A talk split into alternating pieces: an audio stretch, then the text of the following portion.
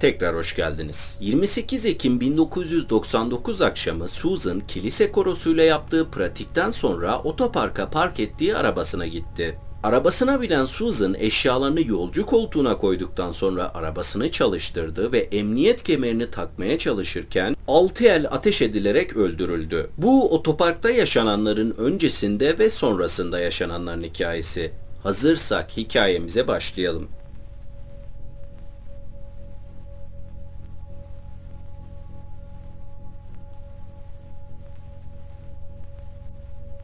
19 Eylül 1999 sabahı 48 yaşındaki Susan kiliseden çıktığında yüzündeki parlak gülümseme hemen yerini gerginlik ve endişeye bırakmıştı. Son 4 yıldır Susan hata üzerine hata yapıyordu ve şimdi 24 yıllık kocası Jeff'e karşı yaptığı hataların bedelini ödemek zorunda kalacaktı. Susan arabasına binip sırtını koltuğa yasladığında omuzları düşmüştü.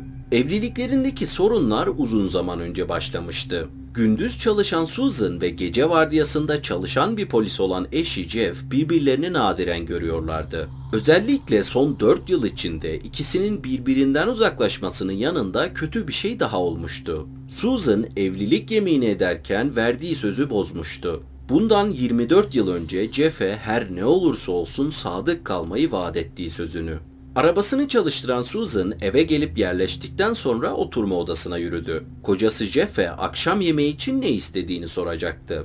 Ancak daha tek kelime bile etmeden Jeff Susan'a bakıp yakalandın dedi kısık bir sesle. Susan'ın yüzündeki gülümseme kaybolmuştu. Herhangi bir mazeret sunma veya açıklama yapma fırsatı bile vermeden Jeff kendisine ihanet ettiğini bilmek için itirafına ihtiyacı olmadığını söylemişti. Jeff bir polisti Aylardır hatta belki de yıllardır karısının kendisini aldattığına dair dedikodular duyuyordu. Ama şimdiye kadar karısıyla yüzleşmemiş veya delil aramamıştı. Hatta aldatıyorsa bile hatasını anlayıp bundan vazgeçmesini ummuştu. Ancak bu gerçekleşmediğinde ve dedikodular artık göz ardı edilemeyecek kadar yüksek sesle konuşulmaya başlandığında Jeff Susan'ın telefonlarına bir kayıt cihazı yerleştirmiş ve karısının yaptığı bir telefon görüşmesini duyduktan sonra dedikoduların doğru olduğunu, karısının kendisini aldattığını öğrenmişti.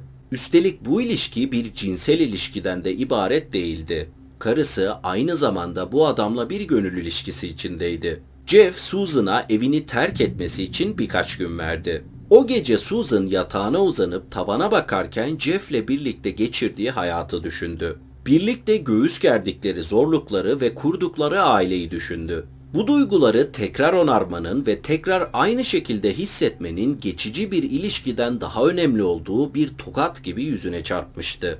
Bu yüzden Susan evliliklerinin 24. yıl dönümü olan 20 Eylül 1990 gecesi yattığı yataktan kalktı ve başucundaki ışığı açtı. Gözlüklerini takan Susan öğleden sonra hazırladığı eşyaların bulunduğu çantanın yanına gidip eşyalarını kurcalamaya başladı. Aradığı şeyleri bulduğunda ikisini de ceplerine koyup çok yakın bir süre önce Jeff'le paylaştığı yatak odasına gitti. İçeri girdikten sonra yatağın yanında durdu ve kocası Jeff'e baktı. Jeff'i fısıldayarak uykusundan uyandırdıktan sonra Jeff'e barışmak isteyip istemediğini sordu. Sonra cebine uzandı ve birkaç dakika önce çantasından aldığı eşyaları çıkardı. Bunlar sevgilisiyle iletişim kurmak için kullandığı cep telefonu ve çağrı cihazıydı. İşte burada dedi Jeff'e ikisini de uzatarak. Söz veriyorum artık bitti dedi. Birkaç gün sonra ailenin büyük oğlu Jason eve gelip annesinin ve babasının kanepe üzerinde sarılarak oturduklarını gördüğünde şaşırdı. Anne ve babasının ayrılık arefesinde olduklarından haberi vardı. Şaşkın bir ifadeyle çiftin yanına giden Jason'a gülümseyen Jeff ve Susan birlikte kalmaya ve ilişkilerini düzeltmeye karar verdiklerini açıkladı. Susan ve Jeff ilişkilerini onarmaya karar verdikten sonra birer hafta izin almış ve bu bir haftanın her dakikasını dip dibe geçirmişlerdi. Oğullarına göre anne ve babası birbirlerine tekrar aşık olmuştu. Hatta evlilik yüzüklerini ve evlilik yeminlerini yenileme planı bile yapmışlardı. 28 Ekim Perşembe günü Jeff yeni evlilik yüzüklerini aldıktan sonra Susan'a göstermek için belediye binasına gitti. Susan yüzükleri çok beğendiğini söyledikten sonra çift akşam yemeğinde tekrar bir araya geldi. O günkü akşam yemeğinde Jeff parmağındaki yüzüğe bakıp gülümsemekten kendini alamıyordu. Yemeklerini yedikten sonra Jeff yemekler için Susan'a teşekkür ettikten sonra oturma odasına geçerken Susan da kilise korosu pratiği için evden ayrıldı. Arabasını otoparkın kiliseye uzak kalan kısmına park ettikten sonra Susan arabasından inmedi veya kiliseye yürümedi. Bunun yerine arabasının içinde bir an durdu ve 20 Eylül gecesi Jeff'e kendisini affetmesini söylerken vermediği ikinci çağrı cihazını düşündü. Kiliseyi aydınlatan ışıklara bakarken o günün erken saatlerinde hala kendisinde olan çağrı cihazıyla sevgilisiyle yaptığı beş görüşmeyi düşündü. Jeff'in bilmediği şeyler vardı. Susan'ın Jeff'in bilmesine izin veremeyeceği şeyler. Ve bu şeyler sevgilisiyle ilişkisini bitirmesine engel oluyordu. O akşam yemeği sırasında yaşadıkları olayı düşündü. Yemek devam ederken Jeff pencereden kendilerini izleyen bir figür görmüştü. Jeff her zaman tetikte olan polis duyguları sebebiyle bir an bile düşünmeden evin ön verandasına çıkmıştı. Fakat kendilerini izleyen her kimse artık gitmişti. Susan sevgilisinin kendisine veya ailesine zarar vermesinden korkuyordu. Susan çantasını ve ceketini aldıktan sonra kiliseye girdi. Saat 8.36 olduğunda ise bir buçuk saat süren pratik bitmiş ve Susan arkadaşlarıyla birlikte kiliseden dışarı çıkmıştı. Herkes arabasına binip kiliseden ayrılırken Susan da biraz rahatlamıştı. 90 dakika boyunca neşeli şarkılar söylemek ona tüm suçluluklarını ve endişelerini bir süreliğine de olsa unutturmuştu. Susan otoparkta duran arabasının yanına geldiğinde tanımadığı bir arabanın arabasının yanına park ettiğini fark etmemişti. Araca veya içindeki kişiye bakmaksızın Susan kapısını açtı ve arabasının içine bindi. Anahtarı kontağa takan Susan kişisel eşyalarını yolcu koltuğuna attıktan sonra emniyet kemerini takmak için soluna uzandı. Susan solundaki emniyet kemerine uzanır uzanmaz kilisenin otoparkından altı el silah sesi geldi. Silah seslerini duyup endişelenen birkaç kişi otoparka geldiğinde açık renkli ve eski bir arabanın otoparktan çıkıp gözden kaybolduğunu gördü. İlk ambulans olay yerine geldiğinde Susan'ın arkadaşlarından biri Susan'ın arabasının yanında yere çökmüş halde duruyordu. Kollarında ise Susan'ın başı vardı. İlk kurşun sürücü tarafı penceresini paramparça ettiğinde ve Susan'ın boynuna isabet ettiğinde henüz emniyet kemerini takmamış olan Susan içgüdüsel olarak arabasının kapısına doğru yaslanmıştı. Saldırıdan minimum zararla kurtulmayı düşünüyordu. Ancak kapı açılmış ve Susan aşağı düşmüştü. Böylece açık hedef haline gelen Susan katili tarafından 5 kere daha vurulmuştu. Susan hastaneye kaldırılırken davanın baş dedektifi de olay yerine doğru yola çıkmıştı. Dedektif olay yerine adım attığında bu soruşturmanın çok karmaşık olacağını anlaması çok kısa sürmüştü. Çünkü koro üyeleri dedektife kurbanın adını verdikten hemen sonra Susan'ın kocasının bir polis olduğunu da bildirmişti. Bu bilgi Susan'ın kocası Jeff'i hemen bir şüpheli haline getirmişti. Özellikle de bir polis memuru olarak bir silaha sahip olduğu göz önüne alındığında bu silahın en kısa sürede test edilmesi gerekiyordu. Susan'a yapılan saldırıya tanıklık eden kişilerden biri Susan'a saldıran aracın kocası Jeff'e ait olduğunu söylediğinde Jeff'in silah taşıdığı ve tehlikeli olabileceği hatta evde olabilecek diğer aile üyelerine zarar verebileceği varsayımıyla SWAT ekibi bilgilendirilip ailenin evi kuşatıldı. Bu arada dedektif Arthur görgü tanıklarıyla, Susan'ın arkadaşlarıyla, komşularıyla ve iş arkadaşlarıyla görüşmeler yapması için memurlar görevlendirmişti. Olay yerini yakından inceleyen ve ilk görgü tanıklarının ifadelerini dinleyen dedektif bu saldırının rastgele bir saldırı veya hırsızlık girişimi olmadığı düşüncesindeydi. Susan'ın kişisel eşyaları ve ön koltukta açıkça görünen cüzdanı olduğu gibi yerinde duruyordu. Ayrıca Susan'a saldıran kişi her kimse Susan kiliseden çıkmadan yaklaşık 5 dakika önce gelmiş ve Susan'ın kiliseden çıkıp arabasına kadar gelmesini beklemişti. Bu da rastgele bir saldırı olmadığının işaretiydi. Polisler Jeff'i, iki oğlunu ve oğullarının kız arkadaşlarını aile evinin çakıl dolu garaj yolunda yüzüstü yatırıp gözaltına almaya hazırlanırken saat 11 olmuştu. Geçen bu 2 saatlik zaman diliminde Susan'ın öldüğü haberi de alınmıştı. Sonraki 16 saat boyunca ise polisler Jeff'i karısının cinayeti hakkında sorguladı. Jeff olayla hiçbir ilgisinin olmadığını söylüyor ve sorulan her soruya sakince cevap veriyordu. Ancak Jeff için işler hiç de iyi görünmüyordu. Kendi ifadesine göre Susan evden ayrıldıktan sonra kendisi de ayrılmış ve gidip maaşını çekmişti. Bir görgü tanığı olay yerinden ayrılan arabayı Jeff'in arabası olarak tanımlamakla kalmamış, aynı zamanda Jeff'in olayın yaşandığı zaman dilimine ait bir görgü şahidi de yoktu. Ayrıca polisler Jeff'in Susan'ı öldürmek için çok güçlü bir motivasyon olduğunu da keşfetmişti. 16 saat boyunca devam eden sorgu boyunca Jeff karısının cinayetiyle hiçbir ilgisi olmadığı konusunda ısrarcıydı. Ve eğer karısının cinayet dosyasını çözmek istiyorlarsa kendisiyle değil karısının ilişki yaşadığı kişiyle konuşmaları gerektiğini söylüyordu.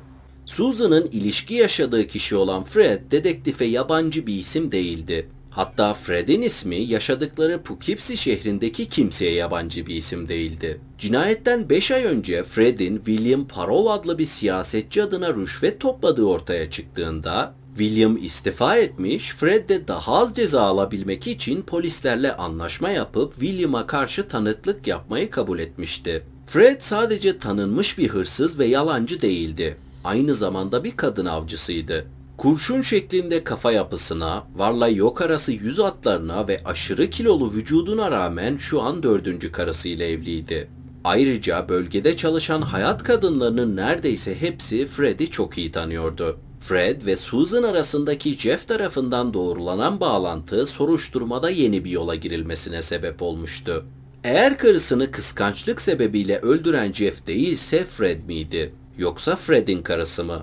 Eğer Fred birden fazla kadınla ilişki içindeyse Susan'ı rakip olarak görenlerden biri onu öldürmeye karar vermiş olabilir miydi? Ya da Susan Fred'le olan ilişkisi nedeniyle devam eden yolsuzluk soruşturmasıyla ilgili bir şeyler biliyorsa bu da onu bir suikast kurbanı yapmış olabilir miydi? 29 Ekim gecesi saat 4'te Jeff hala karakolda sorgulanırken dedektif Fred'in 3 katlı evinde Fred'in tam karşısında oturuyordu. Ancak Fred'in cinayet saatleri için görgü şahitleri olduğunu öğrenmesi de uzun sürmemişti. Fred cinayetin işlendiği saatler olan 8 ve 9 arası karısı ve iki diğer arkadaşıyla birlikte vakit geçiriyordu. Susan'la olan ilişkisi sorulduğunda ise Fred birbirlerini 16 yıldır tanıdıklarını ancak 4 yıldır ilişki yaşadıklarını söyledi. Aynı zamanda Susan'ın ilişkilerini sona erdirmek istediğini ve Eylül ayının ortasında eşi Jeff'le olan yüzleşmesinden sonra ilişkilerini sona erdirmeye karar verdiklerini de doğruladı.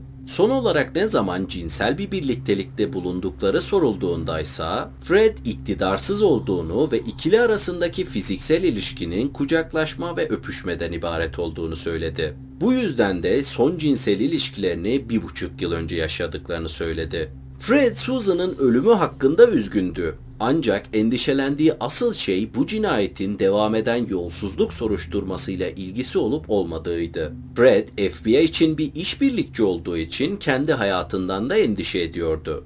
Dedektif bu konuyu da araştıracaklarını söyledikten sonra Fred'e yardımları için teşekkür edip evinden ayrılırken araştırmacılar Susan, Jeff ve Fred'in e-mail, telefon ve cep telefonu verilerini topladı. Davayla ilgili ilk kırılma noktası Susan'ın otopsi sonuçları geldiğinde gerçekleşti. Susan'ın cesedinde sperm örnekleri bulunmuştu.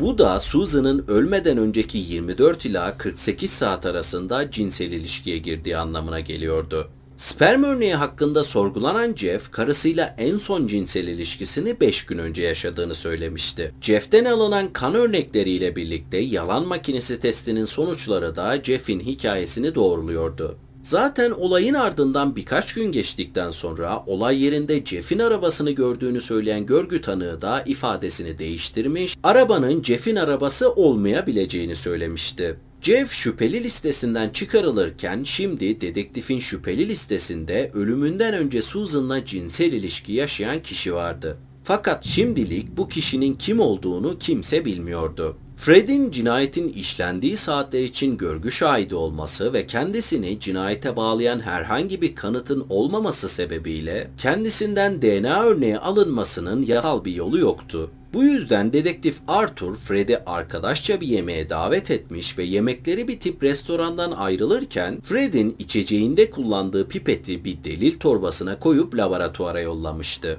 Susan'ın ölümünden bir buçuk ay sonra ise dedektif cinayet davasını aydınlatmak için ihtiyaç duyduğu ipucunu aldı. Katilin ifadesine, sonradan bulunan kanıtlara ve soruşturma sırasında gerçekleştirilen görüşmelere göre 28 Ekim 1999 tarihinde kilisenin otoparkında yaşananlar şu şekilde. Katil kiliseye vardığında zamanlamasının mükemmel olduğunu fark etti. Susan'ın arabası otoparkın kiliseye uzak tarafında duruyordu. Susan'ın arabası otoparkın kiliseye uzak tarafında duruyordu ve arabasının her iki yanında da boş yer vardı. Kilisenin otoparkına giren katil sahte plakalı arabasını Susan'ın arabasının yanına park etti ve beklemeye başladı. O akşamın daha erken saatlerinde katil Susan'ın evine gitmişti. Yalnız başına evden çıktığı anda Susan'ı öldürmeyi planlıyordu. Ancak katil Susan'ın evde olup olmadığını kontrol etmek için pencereden bakarken kocası Jeff tarafından fark edilmiş ve kaçmak zorunda kalmıştı. Ancak şimdi geriye dönüş yoktu. Katile eğer bu gece sona ermeden Susan ölmezse ayrı ayrı fotoğraflanan ve katilin önündeki masaya konan aile üyelerine çok kötü şeyler olacağı açık bir şekilde belirtilmişti. Saatine bakan katil Susan'ı yeterince uzun zamandır takip ettiğinden çıkış saatinin yaklaştığını biliyordu. Bu yüzden yanındaki koltuğa uzandı ve silahını alıp beklemeye başladı. Saat 8.30 olup kilisenin kapıları açıldığında katil kalabalığın arasından Susan'ı görebiliyordu. Diğer koro üyeleriyle vedalaştıktan sonra Susan arabasına doğru yürümeye başladı. Katil hayranlıkla Susan'a bakıyordu. Daha önce Susan'la 5 kez birlikte olmuşlardı. O zamanlar hissettikleri ne kadar güzel olsa da şu an öldüreceği kadına karşı hiçbir şey hissetmiyordu. Otoparka gelen Susan arabasının sürücü tarafına yürüdü, kapıyı açtı ve çantasını yolcu koltuğuna bıraktı. Arabasını çalıştırıp emniyet kemerine uzandığında katil de silahını Susan'a doğrulttu ve tetiği çekmeye başladı. Ardından arabasını çalıştıran katil otoparktan çıkıp evine doğru sürerken silahını, eldivenlerini ve kayak maskesini içeren çöp poşetini önceden belirlenen yere bıraktı. Daha sonra Susan'ın cinsel partneri olan 50 yaşındaki Dawn Silvernail bir marketin önünde durdu ve birkaç şey aldıktan sonra evine doğru sürmeye başladı. Eve dönüş yolunda Dawn bir başka cinsel partneri olan Fred Andros'u aradı. Telefon açıldığı anda Dawn ard arda 3 kere altı tuşuna bastı. Bu Susan'ı öldürme görevini başarıyla tamamladığının mesajıydı. DNA sonuçlarından Susan'ın ölmeden önce ilişkiye girdiği kişinin Fred olduğu öğrenilmişti. 4 yıl önce Susan'la bir ilişki olarak başlayan birliktelikleri artık Fred'in seksüel fantezilerini gerçekleştirdiği bir ilişki haline gelmişti. Bunu da adına rüşvet topladığı parti üyesinin bağlantılarını kullanarak polis olan Jeff'i gece vardiyasına aldırarak daha da kolaylaştırmıştı. Fred'in Susan'la olan ilişkisinin yanı sıra Dawn'la da ilişkisi vardı. İkili 20 yılı aşkın bir süredir cinsel bir birliktelik içindeydi. Bu 20 yıllık ilişki devam ederken Fred, Dawn'a yaklaşık 15 bin dolar borç vermişti. Ve bu borcu ödeyecek maddi durumda olmayan Dawn da bu borcu Fred'in arkadaşları ve tanıdıklarıyla cinsel ilişkiye girmek de dahil olmak üzere Fred'in cinsel fantezilerini gerçekleştirerek geri ödüyordu. 1999 yazına gelindiğinde Fred iki kadının ilişkiye girmesini izlemeye ilgi duymaya başlamıştı. Daha sonra ise bu ilgi eskiden izlediği kadınlara katılmaya dönüşmüştü. Tam da o zamanlar Fred, Dawn'ı Susan'la cinsel ilişkiye girmesi için ayarlamaya ve karşılığında borcundan düşmeye başlamıştı. Bu üçlü buluşmalar genellikle Fred'in başkanlığını yaptığı Poughkeepsie'nin Su İşleri Müdürlüğü'nün deposunun beton zemininde gerçekleştirilirdi. İlk buluşma hariç Fred ilk buluşmayı kendi bodrumunda ayarlamış ve baştan sona bir kamerayla kaydetmişti. Susan Eylül ayının ortalarında Fred'le ilişkisini sonlandırdıktan sonra reddedilmenin neden olduğu öfkeyle Fred ya cinsel ilişkilerine devam etmesini ya da kasetin bir kopyasını ailesine göndereceğini söylemişti. Tehditle bir süre daha bu ilişkiye devam etseler de Fred Susan'la 4 yıldır süren ilişkilerinden dolayı çok şey bildiğini ve devam eden yolsuzluk davasında aleyhinde tanıklık edeceğiyle ilgili paranoya yapmaya başlamıştı. Susan'ın ölümünden 2 ay sonra 30 Aralık 1999 tarihinde polisler bir arama ve tutuklama emriyle birlikte Fred'in evine gitti. İçeri girip çatı katında olduğunu öğrendikleri Fred'i tutuklamak için çatı katına doğru giderken bir el silah sesi duydular. Fred cinayetle suçlanacağını öğrendiği için intihar etmeye karar vermişti. Ancak silahı çenesine dayayıp tetiği çekse de kurşun beynine gitmek yerine çenesindeki kemiğe isabet etmiş ve yüzünün alt kısmına zarar verse de kendisini öldürmemişti. İyileşen Fred 23 Şubat 2001'de Susan'ın cinayetiyle yargılandığı davada suçlu bulundu ve 50 yıldan az olmamak kaydıyla ömür boyu hapis cezasına çarptırıldı. 16 Mart 2001 tarihinde Dawn, Fred'e karşı ifade vermesi karşılığında yaptığı anlaşma sayesinde 18 yılıyla ömür boyu hapis cezasına çarptırıldı. Tutuklanıp hapse atılan Fred cezasının sadece 1 yıl 9 ayını çektikten sonra kalp krizi nedeniyle hayatını kaybetti. Down 16 yıl yattıktan sonra serbest bırakıldı ve serbest bırakıldıktan 3 yıl sonra 70 yaşındayken hayatını kaybetti. Susan'ın kocası Jeff, Susan'ın ölümünden 5 yıl sonra tekrar evlendi. Jeff de 2018 yılında 67 yaşındayken kanserden dolayı hayatını kaybetti. Bir cinayet diye başladık, 4 ölümle bitirdik. Ama benim üzüldüğüm tek kişi Jeff oldu şahsen. Vakit ayırıp dinlediğiniz için teşekkür ederim. Aşağıya bırakacağım sosyal medya hesabımdan bana ulaşabilir, hikaye önerebilirsiniz. Kendinize iyi bakmayı ihmal etmeyin. Hoşçakalın.